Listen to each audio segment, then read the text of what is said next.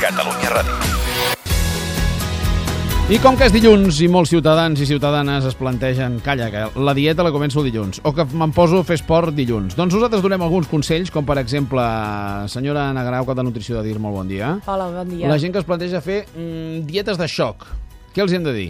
A veure, les dietes de xoc poden anar o molt bé o molt malament, vale? depenent del cas. Ja. Llavors, seria correcte fer-la si la, aquesta dieta estaria entre dietes d'aprimament en un procés.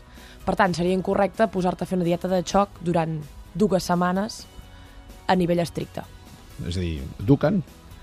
Bueno, altres tipus de dieta estava pensant. Molt bé. Dietes, per exemple, dieta de la pinya, dieta de la carxofa, dietes molt, molt monòtones. Si això es fa en en dues setmanes, no acaba funcionant. No és correcte, perquè hi ha un efecte rebot o un efecte yo-yo, vale, molt conegut, doncs aquest efecte es podria donar. En Mhm. I- Mhm. canvi, si són un parell de dies, per exemple, i va entre dos dietes d'aprimament, tindria més sentit. Què vol dir entre dos dietes d'aprimament? Perquè la setmana passada donàvem tot un menú per tota la setmana, eh, una cosa bastant equilibrada, amb cinc eh, ingestes, Sí. mm, parlant de que podríem aprimar-nos doncs, al voltant dels dos quilos al, al final de eh, la setmana.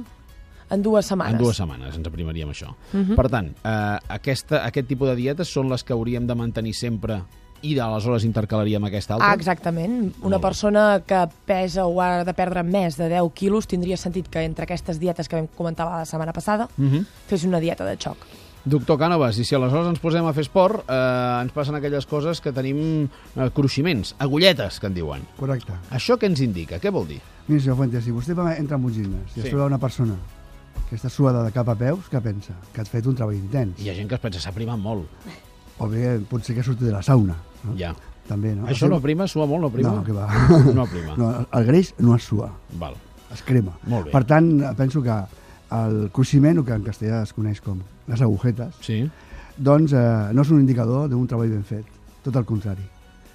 Hi ha un, un amic, eh, doctor Bernat, que sempre diu que és un metabolisme mal fet o la queixa d'un múscul, quan estic totalment d'acord. I quina és la sensació que hem de tenir, doncs, de fer un exercici ben fet? Doncs una sensació de, de sortir co- amb una secreció de beta-endorfines, és a dir, un ple de notem el múscul, però en cap moment està cruixit. El cruixit és un obstacle per la millora del múscul. Miri, si vostè aixeca avui 10 quilos i la setmana que ve aixeca 10 i mig, vostè està més fort. No sé si tindrà... El que no té és menys múscul, però més fort segur. I més múscul? Més múscul, amb el temps, després de la força, ve el múscul. Mhm. Mai és al revés. Intensitat? Brevetat i poca freqüència.